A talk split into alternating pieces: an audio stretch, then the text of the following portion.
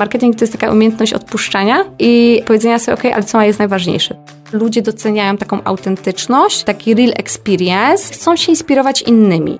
Nie jesteśmy jak zupa pomidorowa, nie jesteśmy dla wszystkich.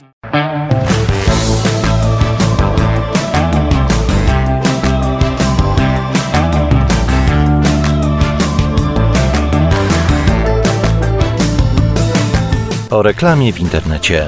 Dla kogo? Za ile? I po co? Opowiada Piotr Polok. Pyta Natalia Siuta. Tej strony Natalia Siuta i Piotrek Polok, a z nami Katarzyna Hauton z grupy Sky, która od 2002 roku jest związana z komunikacją marketingową, ma doświadczenie zarówno po stronie agencyjnej, jak i klienckiej, realizowała dotychczas projekty na poziomach krajowym i międzynarodowym, m.in. dla takich branż jak IT, PR, energetyka czy nieruchomości komercyjne. Jako Group Brand Manager odpowiada za komunikację marki Sky na rynkach Europy Środkowej i Wschodniej. Cześć. Cześć. Dzień dobry, cześć. W jednym z pierwszych odcinków naszego podcastu rozmawialiśmy e, też z gościem, który przyszedł tu do studia, jak budować markę w Polsce. Natomiast teraz, no na przykładzie właśnie grupy Eskai, która działa na kilku kontynentach, skupimy się na budowie międzynarodowego e, brandu. Jakie widzisz różnice w pracy na rynkach w Polsce i właśnie za granicą?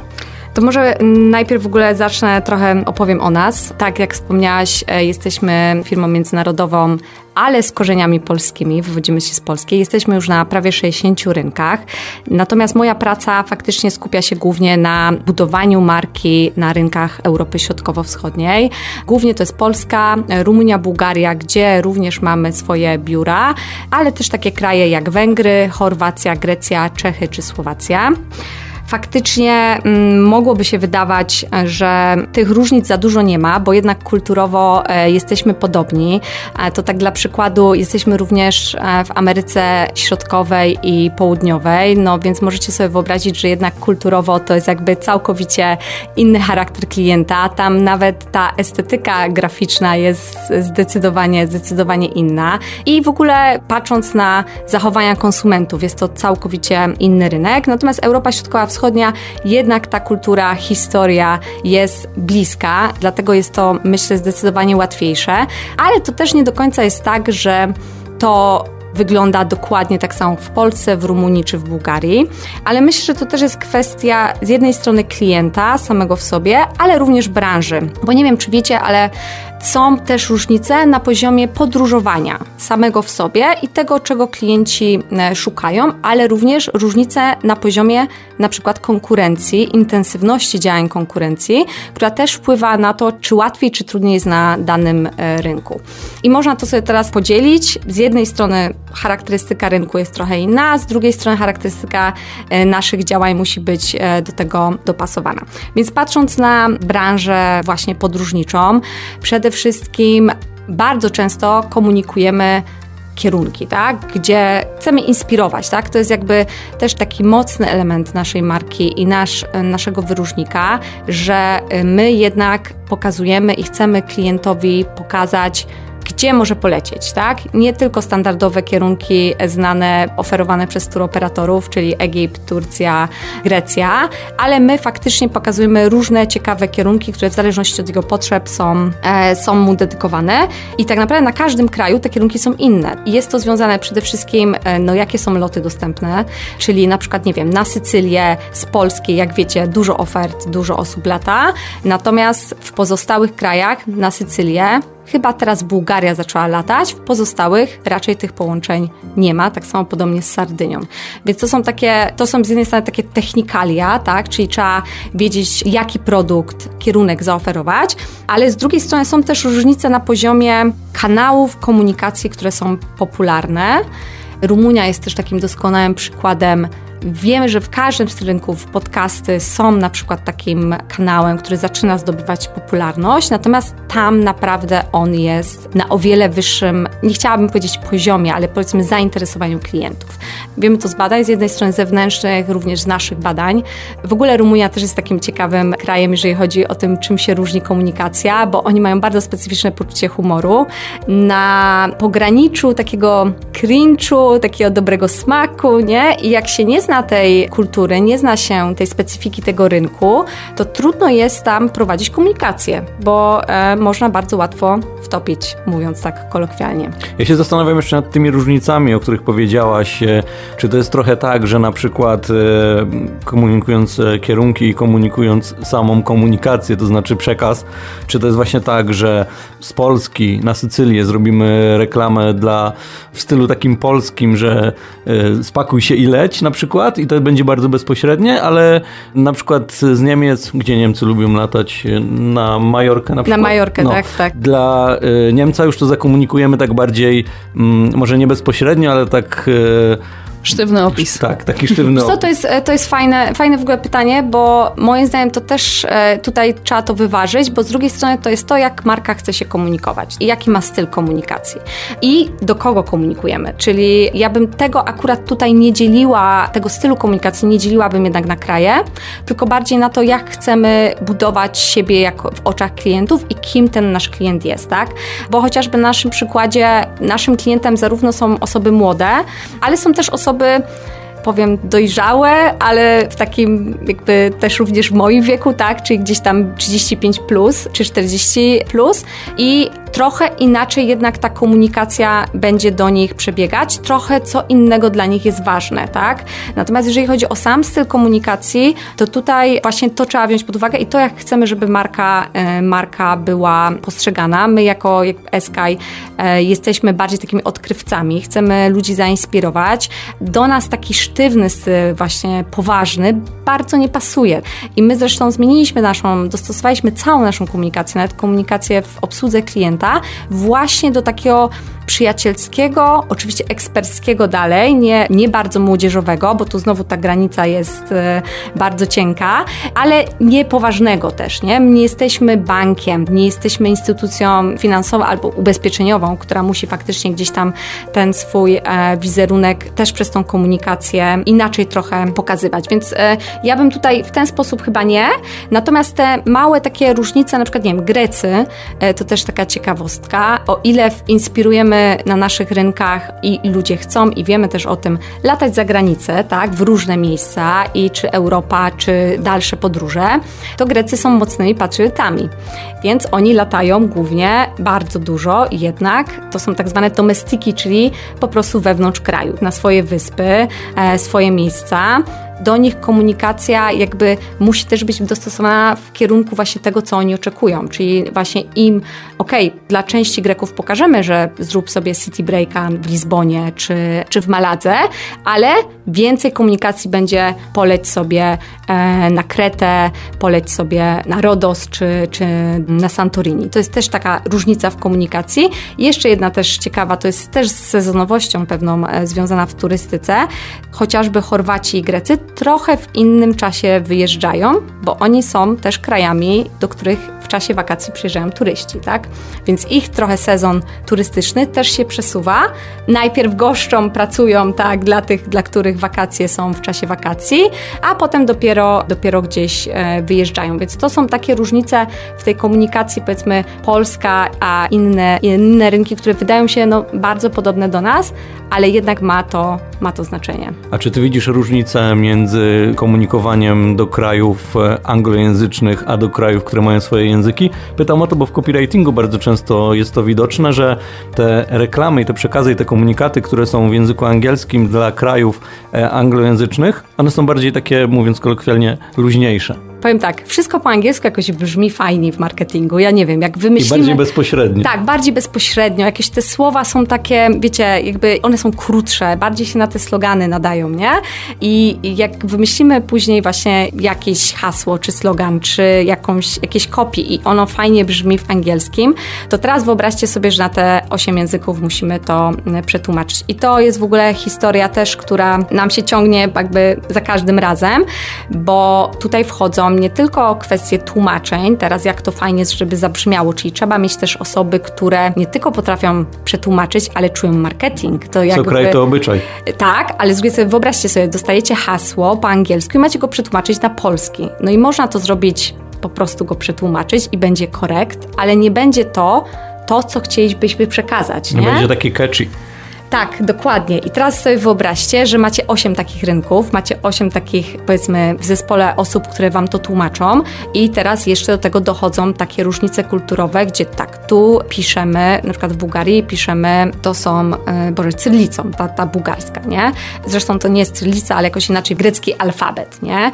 Węgierski, boże, węgierski to jest też piękny język. Tam są tak długie te wyrazy, że w ogóle one w żadne grafiki się nie zmieszczą. Czyli wyobraźcie sobie, robicie taki wizual projektu, kampanii, który pięknie wygląda, nawet po polsku już pięknie wygląda, a nagle się okazuje, że przetłumaczysz tekst na, na węgierski on się w ogóle, w ogóle nam się nie składa, tak? Bo nagle się robią 3-4 linijki, długie, długie teksty. Jest to wyzwanie, żeby faktycznie z jednej strony to było marketingowe, żeby było to, co chcemy przekazać, z drugiej strony, żeby to było lokalne i bardzo bym się cieszyła, gdybym mogła się tylko po angielsku do tych e, krajów komunikować, bo zdecydowanie byłoby to łatwiejsze. Natomiast właśnie to jest ta charakterystyka tych rynków Europy Środkowo-Wschodniej, że to nie jest Europa e, Zachodnia, która nawet jak zrobi się ten przekaz po angielsku, to na to zrozumie i to nie jest problem. I często zresztą widać, co robią globalne marki. Bardzo często zostawiają sobie te hasła w języku angielskim, bo w większości jednak tych głównych dla nich rynków ono jest zrozumiałe. Tak, właśnie chciałem do tego nawiązać, co powiedziałaś. Też pracowałem z jednym klientem z Włoch, który mm, pracuje z, z większym marketplace'em i zdarzały się sytuacje, gdzie hasło, które było po angielsku, załóżmy just do it, e, nie było tłumaczone w Polsce. Ok, było po prostu to zrób, ale były na przykład e, takie obawy, czy my nie jesteśmy za bardzo bezpośredni, a ja mówię, no przecież nie powiemy, proszę to zrobić. I było nawiązanie właśnie do mm, marek, e, do samochodów klasy premium, gdzie jedziecie samochodem, w którym jest nawigacja, która mówi skręć w lewo, ale jak pojedziecie samochodem marki premium, to nawigacja powie do was proszę skręcić w lewo. I tu była ta różnica w haśle i generalnie ostatecznie zostawiliśmy hasło w języku angielskim, tak jak powiedziałaś, ale były obawy nie co do samego przekazu, ale co do samego odbioru przez osoby, które powiedzą, ja się tak nie identyfikuję za bardzo z nimi, dlaczego oni mówią do mnie na ty? Dokładnie, dokładnie. I to, i to w ogóle to jest ciekawe właśnie ta kwestia bezpośredniego mówienia, nie? która jednak w marketingu skraca ten dystans, pozwala o wiele fajniej to brzmi, nie? Jest bardziej, tak jak powiedziałeś, catchy. No, ale tu zawsze właśnie jest ten dysonans, czy klient nie powie, ale czy mówi właśnie do mnie, mówicie na ty, no ale to też znowu dla mnie to jest pewnie, okej, okay, decydujemy się tak, jeżeli mamy spójną tą komunikację i na każdym etapie kontaktu z tym klientem my się tak do niego zwracamy i on nas akceptuje jako markę, to dla niego będzie to ok. I jeżeli on powie, ja sobie nie, nie życzę, to może to po prostu nie jest nasz klient, tak? W sensie to jest klient może, który potrzebuje czegoś innego i on się będzie lepiej czuł, jak nie wiem, będzie miał specjalnego konsultanta, który będzie mówił, panie Henryku, panie tutaj, to też trzeba się nie zrażać, bo trzeba też pamiętać o tym, słuchajcie, że nie jesteśmy jak zupa pomidorowa, nie jesteśmy dla wszystkich, nie? I to jest takie trochę, to jest coś, co często kusi, szczególnie w marketingu, że jakby chcielibyśmy wszystkich zadowolić, nie? I to są też takie wyzwania, przed którymi my, my stoimy jako marka i też staramy się jakby dedykować jednak tą komunikację do konkretnych grup. Świetnym przykładem jest nasza kampania wiosenna, gdzie myśmy mieli dedykowaną komunikację pod każdą grupę. Inaczej dedykowaliśmy się do rodzin z dziećmi, tam był inny przekaz, inne kierunki, inne ujęcia, nawet reklamy, inne oferty, a inaczej komunikowaliśmy się już do osób, które wyjeżdżają solo czy, czy w parach, ale powiedzmy czego innego oczekują od wyjazdów, nie? Ale jeszcze jakby wracając do tych kulturowych różnic, to, to jest nawet na poziomie takim, to jest taki przykład e, City Breaku, to jest taki nasz e, z jednej strony flagowy produkt, ale też flagowe wyjazdy, które bardzo mocno też u nas wybrzmiewają i one są też związane z pewnym trendem, który pojawił się po pandemii. To badania nam pokazują, ale również obserwacja ludzi i trendy w ogóle zewnętrzne, że ludzie bardzo sobie cenią jednak ten odpoczynek, pewne oderwanie się od rutyny i nie chcą wyjeżdżać już tylko jeden raz w roku. Oni chcą czegoś więcej. Oni chcą odpoczywać częściej, wyjeżdżać częściej, tak zwany well-being, dobrostan, zadbać o siebie i e, na tej bazie też właśnie te city breaki, czyli takie około weekendowe wyjazdy, krótkie wyjazdy parodniowe. Ono się nazywa city break, ale ono niekoniecznie musi być bezpośrednio do miasta, tak? To może być nawet na tą Sycylię i, i tego miasta prawie w ogóle gdzieś tam nie uświadczymy. E, natomiast chodzi o takie wyrwanie się z rutyny. No i w Polsce ten city break, mimo że to jest angielska nazwa, jest on zrozumiały. Natomiast na przykład w Czechach to są euro weekendy. I oni wiedzą, co są Euroweekendy. Jak się do nich powie City Break, to w ogóle się tego nie znajdzie, tak? Na Węgrzech nie powiem wam, jaka to jest nazwa, ale to też jest inna nazwa niż City Break i też zdecydowaliśmy się jakby komunikować to inaczej, bo okazało się, też to sprawdziliśmy, chociażby wiecie, wyszukiwania, jaka jest liczba wyszukiwań, tak? Bo to też jest cała potem analiza tego, jak to znaleźć i jak to ludzie szukają. Też obserwacja konkurencji czy branż podobnych.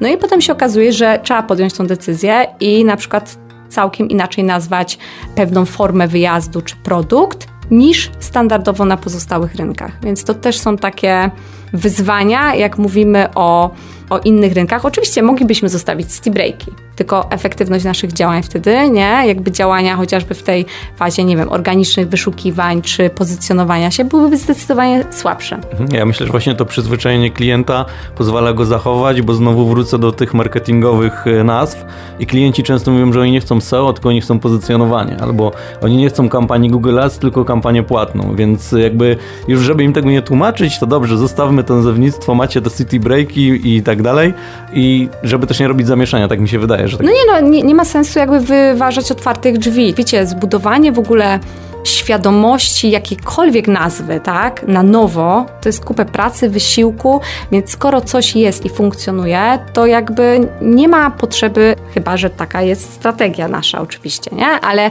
nie ma potrzeby jakby wymyślania na nowo, nie, więc tak jak mówię, z jednej strony robimy to naszym polskim zespołem, ale z drugiej strony mamy też gro ludzi w Bułgarii, w Rumunii, ja mam też dedykowanych specjalistów do marketingu, którzy oceniają takie rzeczy i są w stanie nam dać ten insight kulturowy. Jeżeli chodzi o pozostałe rynki, też mamy, współpracujemy z różnymi freelancerami i oni nam dają ten insight. Mamy też zresztą e, w naszej obsłudze klienta, bo obsługujemy klientów w 14 językach, co też jest takim dosyć naszym wyróżnikiem, bo tak naprawdę w większości nasi klienci mogą być obsługiwani po prostu w swoim języku. Współpraca z tą obsługą naszą, która jest powiedzmy, nie wiem, Grekiem, czy jest, e, czy jest tym Chorwatem, pomaga nam tak naprawdę ulepszyć tą komunikację i dopasować do danego rynku. I chyba też zwiększyć zaufanie tej osoby, trochę jak Niemcy, którzy nie kupią nic z domeny.pl, tylko z DE. Tak, tak, dokładnie tak. Dlatego zresztą my też e, na rynkach jesteśmy w domenach lokalnych. To też jednak pokazuje pewną lokalność marki, e, ale to jest też doskonały przykład, wiecie, bo jak już jest bardzo taką dużą, nie wiem, Coca-Colą, tak, czy inną znaną dużą globalną marką, no to raczej nie tworzy się reklam pod takie małe rynki jak Polska, tak? No to potem znamy te reklamy, które widać, że jakby one są kręcone całkiem do innej kultury, nie? Są one przełożone, jest lektor polski, ale to czuć, czy tam te proszki do prania często, czy jakieś inne e, rzeczy, domowe środki czystości, też często to widać, te właśnie niemieckie, e, niemieckie reklamy i to widać, że to jest po prostu mm, reklama, która okej, okay, jest u nas, ale ona nie jest dedykowana pod nas, tak? I okej, okay, jest jak się dużą, rozpoznawalną marką, można sobie jak najbardziej na to pozwolić. Natomiast e, myślę, że jeżeli faktycznie chce się skupić na konkretnych rynkach, to małe elementy, które są skierowane do, do danego rynku są bardzo ważne. Czy konsultując te sposoby komunikowania się na różnych właśnie rynkach, tak jak powiedziałaś, prawie 60 w waszym przypadku różnych rynków jest, czy konsultując to słyszycie na przykład, a w tym kraju albo w tej części świata warto dać, warto użyć metafory, albo warto użyć porównania, albo może jakaś ironia by się tam przydała? Na 60 rynkach tego nie da się zrobić i jednak nawet na tych ośmiu trzeba przyjąć pewne jednak globalne standardy i dodawać, ja bym to nazwała takie smaczki lokalne do komunikacji, albo robić jakieś trochę mniejsze kampanie właśnie pod dany rynek, bo jest to mało wykonalne, żeby tak bardzo spersonalizować komunikację, a moim zdaniem też trochę niebezpieczne, bo może nam się to trochę wymknąć spod kontroli i nie do końca to, co chcielibyśmy zakomunikować, wybrzmi w tym kraju. Tak? Pamiętajmy, że na przykład social media to jest też żywy organizm. Tam ten komunikat nie jest jednostronny. Tam od razu pojawiają się komentarze, więc to też od razu widać, czy się trafiło z pewnym, z pewnym przekazem, czy, czy gdzieś tam się przestrzeliło. E, więc myślę, że to takie wyważenie z jednej strony właśnie tej komunikacji, tak jak chcemy, żeby ta marka wybrzmiała, a z drugiej strony dodanie tego lokalnego smaczku musi być i to czasami nie musi być jakby w kopii, które jest najtrudniejsze, bo moim zdaniem tak szczerze, kopii jakby dostosowane do rynku jest właśnie trudne ze względu na te tłumaczenia, ze względu na pewne niektórych rzeczy nawet nie można przetłumaczyć komuś, bo wiecie, jest jakby tylko w tej kulturze wiadomo, no u nas też są takie przykłady, tylko my zrozumiemy jako Polacy o co chodzi, tak nie wiem, wiecie, memy. Teraz wyobraźcie sobie tworzyć memy na inny rynek. Albo pogoda pod psami, później weather under the dog. Dokładnie, więc jakby trzeba to wyważyć i naprawdę mieć tak jakby, dlatego, aha, bo te kopii, te kopii jest jakby, jest trudne, ale pamiętajmy, że mamy jeszcze inne możliwości. Możemy dopasować jakby mm, samą wizualną stronę. Pokazujemy ludzi, pokazujemy twarze, Teraz zresztą mamy taką, moim zdaniem, na naszym, moim skromnym zdaniem, ale myślę, że nie tylko moim, mocno pionierską kampanię, bo zrobiliśmy kampanię w ogóle nie wykorzystując stokowych materiałów, które oczywiście od razu widać, że są stokowe, tak? Tylko wykorzystaliśmy materiały od ludzi, od naszych followersów, od naszych, częściowo od naszych klientów i taki przekaz, słuchajcie, jest niesamowicie wiarygodny i czy ja go puszczę w Polsce, czy ja go puszczę w Rumunii, czy w Bułgarii, chociaż tam też zbieraliśmy materiały, żeby też ten, wiecie, żeby zobaczyli jednak też trochę swoich jakby ludzi w tych, e, w tych reklamach, to wtedy oni też to poczują. Wykorzystanie zbudowanej społeczności, można powiedzieć. Tak, tak, tak, tak, tak, dokładnie. A z drugiej strony zauważyliśmy, i to też jest ważne, że ludzie doceniają taką autentyczność, taki real experience. Też bardzo chcą, i to nam wychodzi z badań i z tego, jak jakby też śledzimy, e, co się dzieje na rynku, że ludzie chcą się inspirować innymi. I e, nie wiem, czy kiedykolwiek śledziliście komunikację marek tych podróżniczych, e, szczególnie na przykład biur podróży, to wiecie, jest jedno zdjęcie. Kuba zawsze to jest ten stary samochód, który tam na tej ulicy stoi, nie? Egipt to zawsze jest albo te nurkowanie, albo te piramidy. Te sam stokowe zdjęcie po prostu zawsze, nie?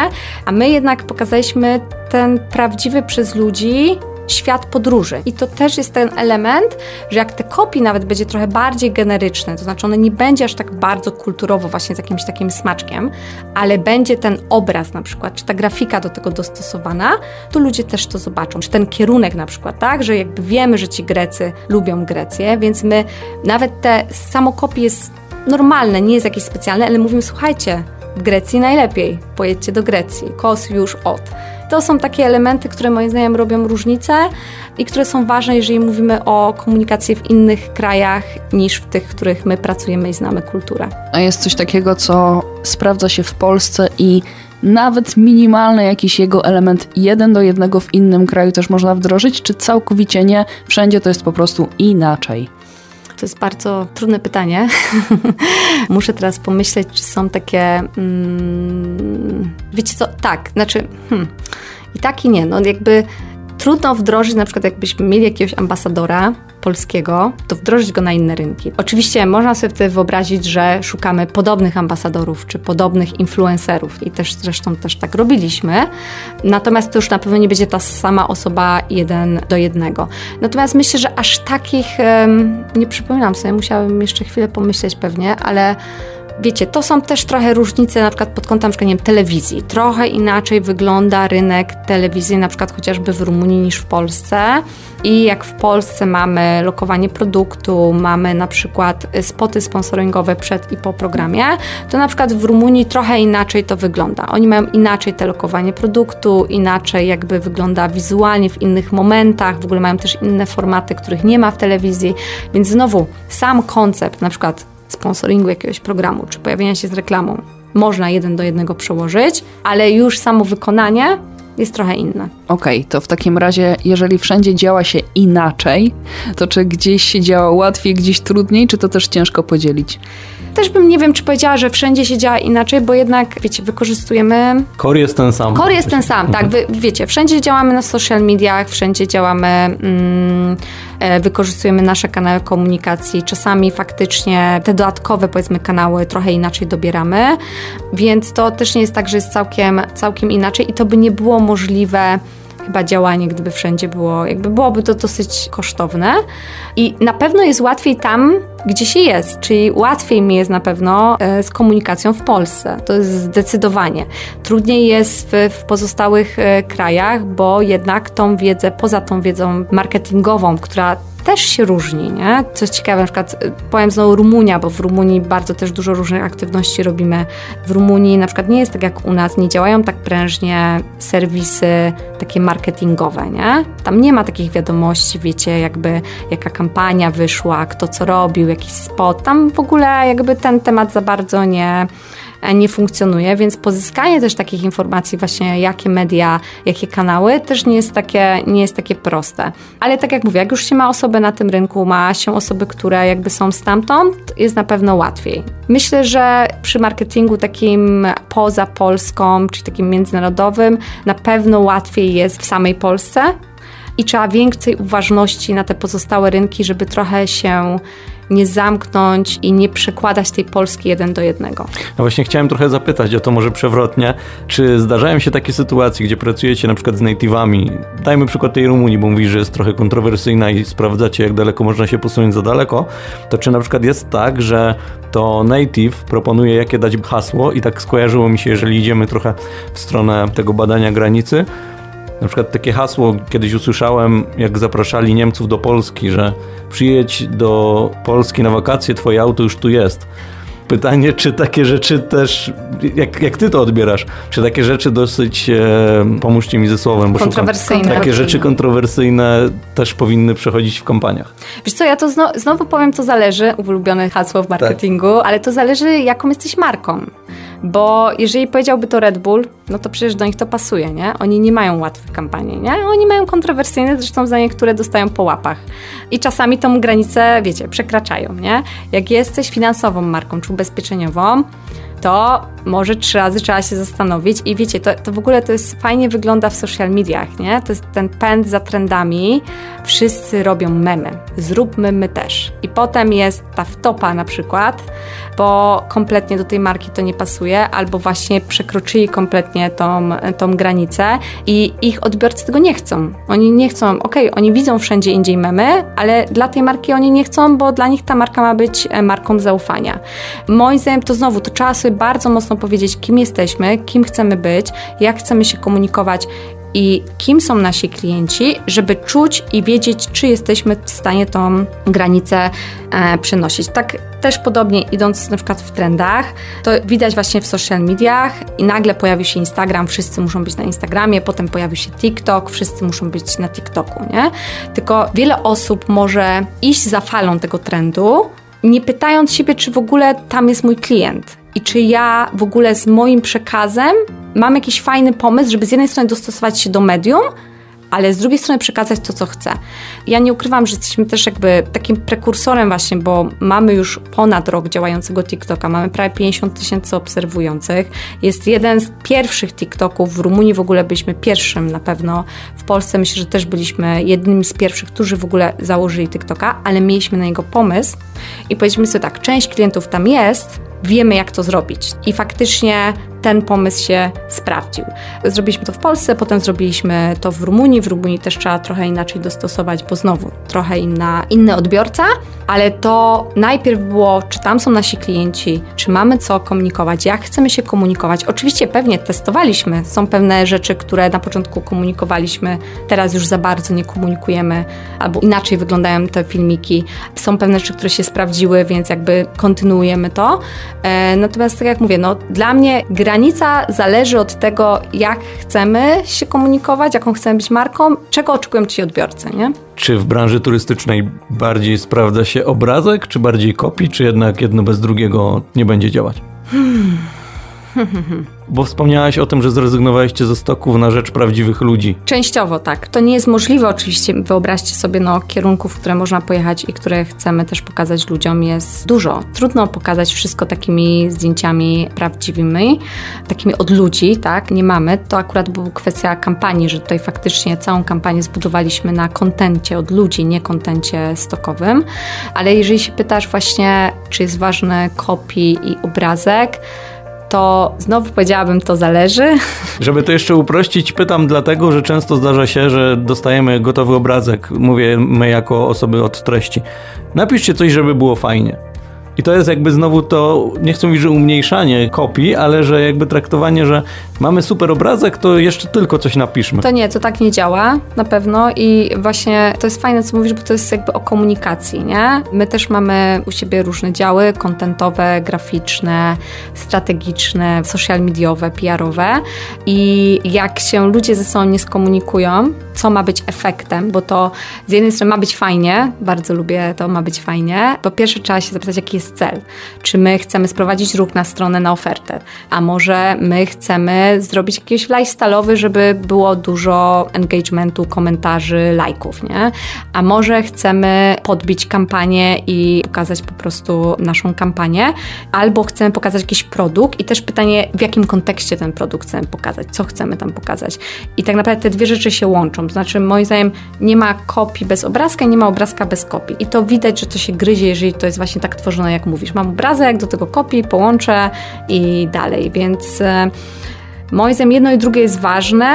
Czasami, jeżeli chcemy, nie wiem, sprowadzić ruch na ofertę, e, chcemy sprzedać realnie, to wiadomo, że tam ta cena będzie najważniejsza. Trzeba wyszukać taką ofertę, żeby przede wszystkim ludzi, e, ludzie zaciekawiło i ludzie chcieli wchodzić. Jeżeli mamy, nie wiem, wpis na bloga, to musi być taki chwytliwy, w cudzysłowie, tytuł, ale może też obrazek, który zwróci uwagę, bo patrzcie, jak trudno jest w obecnych czasach ludzi zatrzymać chociaż na sekundę uwagę. To mają do siebie social media, że się skroluje. Je się faktycznie skroluje. I ta uwaga to jest, nie wiem, dwie sekundy. No i tak, albo zwróci Twoją uwagę obrazek i dopiero doczytasz, albo jakieś hasło, albo ta cena. Wiecie, to jest też ciekawy temat, bo mam wrażenie, że też mocno niedoceniany e, w komunikacji, na którym etapie jest klient, tak? Bo jeżeli my, on się w ogóle zastanawia, czy pojechać, czy on się zastanawia, czy w ogóle polskie morze, czy nie wiem, właśnie e, Barcelona, nie? Czy tam greckie wyspy. A jest klient, który on już wie, na przykład. On już wie, że Grecja, tylko jeszcze nie wie gdzie. A jest klient, który już wie, że on, on szuka dokładnie do Rzymu, bo on chce pojechać do Rzymu. To są klienci na całkiem innych etapach i całkiem inne coś będzie zwracać im uwagę. Więc to jest jakby też takie, jakby jeżeli mówimy o komunikacjach i, i to jest komunikacja w social mediach, w naszych, e, w naszych też, nie wiem, newsletterach czy e, na stronie, to jest coś, co też jest kluczowe, dopasowanie tego komunikatu. To jest takie, wiecie, to jest trochę taki banał i takie podstawowe rzeczy z marketingu i by się wydawało, że no wiadomo, no, jakby każdy o tym wie, nie? Ale potem wychodzi na stwórzcie post i w tym poście ma być wszystko. I ma być inspiracyjnie, i ma być cena, i jeszcze kierunek, i jeszcze najlepiej skaczące małpki, bo one uwagę, nie? Przyciągają. Więc jakby ja ostatnio się śmieję, że marketing to jest taka umiejętność odpuszczania i powiedzenia sobie, ok, ale co jest najważniejsze tutaj, nie? Wszystkiego nie da się w danym momencie pokazać. Mhm, I jeszcze bym tutaj dodał to, żeby przemyśleć dwa razy, jeżeli chodzi o chwytliwe tytuły, żeby to było bardziej chwytliwe niż clickbaitowe, bo też później ciężko wyjść z tego, że ktoś wszedł i nie, nie zadowoliliśmy go i on już do nas nie wróci. Tak, dokładnie, bo to wiecie, to są też te kampanie, które są rozliczane za kliki, więc robią wszystko tylko, żeby ludzie weszli, a nikt potem nie wchodzi głębiej i nie patrzy, jaka jest jakość tego ruchu, tak? Że na przykład nie wiem, bounce rate był na poziomie, nie wiem, 80%. Więc co z tego, że mamy, nie wiem, tysiące klików, jak w ogóle jakość tego ruchu jest, jest słaba. Więc to super, że o tym mówisz, Piotrze, bo jakby to też nie jest problem powiedzieć, to już nagłówki mi się tych wszystkich naszych gazet y, pojawiają. E, znaleziona za śmietnikiem, y, tam właśnie na ulicy wieczorem, już nie będę mówić. Albo tego nie rób jadąc do Rzymu. I, tak, i tak, tak naprawdę wchodzisz i nie masz odpowiedzi na to, czego nie czego robić. nie robić, tak? tak? E, dokładnie. Więc znowu ten, ten balans i znowu to jest takie pytanie, jaki jest cel, nie? W jaki sposób mierzyć skuteczność działań, e, właśnie tego typu działań marketingowych i działań brandowych? To jest właśnie odwieczne pytanie, bo jak mówimy o marketing performance, wydaje się, że to jest łatwe, nie? Mierzymy to konwersjami ostatecznymi. Natomiast z mojego doświadczenia wynika, że to nie jest do końca tak, że nie można tego zmierzyć i też staramy się robić takie, takie działania, które potrafimy zbadać. Więc jeżeli mówimy w ogóle o świadomości i mówimy na przykład o social mediach, czy na przykład o YouTubie, to same te platformy już nam przynoszą na to odpowiedź, bo nie wiem, czy słyszeliście o badaniach, które pokazują taką inkrementalny wzrost sprzedaży i to są badania na przykład Brand Lift, Search Lift, Conversion Lift, to jest na YouTubie. Na social mediach też już to można znaleźć. To jest Brand Lift i Conversion Lift między innymi. I to są badania na przykład, które pokazują, są dwie grupy. Grupa testowa, taka, która nie była, nie była eksponowana na Twoją reklamę i grupa Twoja, czyli która była eksponowana na reklamę i mierzy się, powiedzmy, jak mówimy o brandlifcie, to mierzy się, czy wzrost znajomości marki w obu tych grupach jaki był w tym czasie, tak? I różnica pomiędzy grupą testową, która nie widziała Twoją reklamę, a grupą, która widziała, pokazuje nam faktyczną siłę tej reklamy. Czyli gdyby osoby nie widziały Twojej reklamy, to na przykład tego wzrostu nie było, albo wzrost był 5 punktów procentowych, natomiast osoby, które widziały Twoją reklamę, wzrost ten był na przykład 10 punktów procentowych, więc finalnie Twoja, twoja reklama podniosła znajomość Twojej marki 5 punktów procentowych. Co też pamiętajmy, te wyniki też trzeba tak patrzeć na nie, bo nie żyjemy w odizolowanym środowisku. Jak mamy kampanię, dużą kampanię, to trudno zrobić grupę testową, która w ogóle nie widziała Twojej reklamy, tak? Bo ona nie widziała jej na YouTubie ale widziała ją w social media, tak?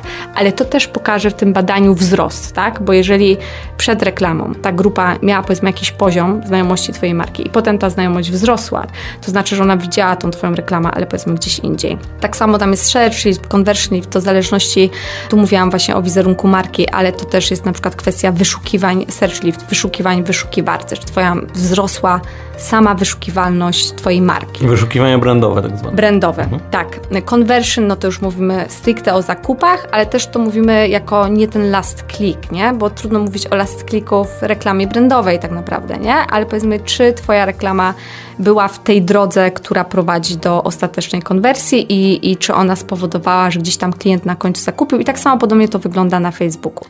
Natomiast robimy też co roku badania, badania marki i też widzimy, czy ogólnie wszystkie te nasze działania mają wpływ na to, że nie wiem, rozpoznawalność marki wzrosła, czy, czy nie. A też jestem takim fanem patrzenia takimi małymi krokami, wiecie, jakby widać pewien trend, nie? Nawet jakby, okay, mówimy o, nie wiem, budowaniu świadomości marki, ale dla każdych też e, naszych kanałach powinniśmy sobie zrobić jakieś KPI. Nie wiem, w social mediach chcemy budować społeczność, patrzmy ile mamy tych obserwatorów, tak? I czy one rośnie, czy rośnie engagement na przykład na naszym, e, na naszym profilu. To też są pewne takie elementy, które można, które można mierzyć. Czy rośnie powracalność klientów, słuchajcie, i to jest właśnie, to jest też siła jakby tych działań brandowych, czy klienci częściej do nas wracają, czy, czy ufają tej marce. E, jak sobie jeszcze myślę o, o tym, co możemy mierzyć, ok, może nie bezpośrednio sprzedaż, ale na przykład jeżeli część naszych działań mamy pod ruch, to właśnie czy ten ruch udało się zwiększyć, ale też jaki on jest. Nie? E, to wiadomo, że to nie tylko na to ma nasza reklama wpływ, bo to też często e, na przykład, nie wiem, efektu bounce rate'u może być z jednej strony niedopasowana treść, jak mówiliśmy, ale z drugiej strony może być kwestia, nie wiem, błędnych wyników wyszukiwania, błędu na stronie, tak? Ale to wszystko też trzeba mieć pod uwagę i to jest takie, taka jedna rzecz, która myślę, że jest ważna, że jak się odpali kampanię, to nie zapomina się o niej i nie, nie, zbiera się po, nie wiem, po miesiącu, dwóch wyników i dopiero się na nie patrzy. Tak naprawdę w tym środowisku, szczególnie tym digitalowym środowisku, tak naprawdę ma się cały czas rękę na pulsie. Mhm. Ja bym jeszcze dodał, bo fajnie, że o tym wspomniałaś, e, o tej kampanii brandowej krok po kroku, że tak powiem. Dodałbym to, że kampania brandowa nie powinna być nastawiona na zysk. W sensie często zdarza się tak, że klienci przychodzą i mówią: My nie chcemy brandowej kampanii, bo ona i tak nam nie, nie zarobi, my chcemy się wyświetlać na konkretne wyszukiwania. A moim zdaniem, właśnie ta kampania brandowa to jest taka inwestycja, która cały czas pokazuje, że marka się wyświetla i w końcu zapadnie w pamięć ludziom i może nie dzisiaj, ale za 4 albo 5 dni oni wrócą i powiedzą: Aha, pamiętam, była taka marka, to wpiszę sobie ją i dokonam zakupu. No to jakby z, w ogóle z kampaniami brandowymi jest ciężko, ponieważ tu nie ma wyników takich, wiecie, od razu, nie? A digital trochę, ten internet nas do tego przyzwyczaił, że tu i teraz mają być wyniki i koniec. Ale z drugiej strony jest taka pułapka, bo jeżeli jakby my coś robimy, to to samo może za chwilę zrobić nasza konkurencja, tak? I jak się wyróżnić, jak się odróżnić. I w tym momencie wchodzi siła marki. I ta siła marki jest tą przewagą.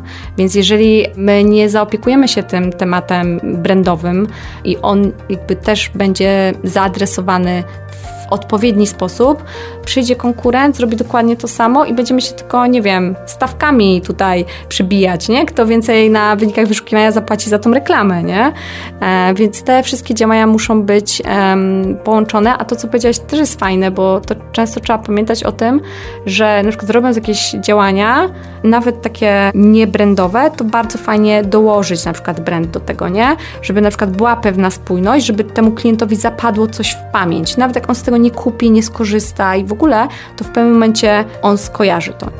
O reklamie w internecie. Dla kogo? Za ile? I po co?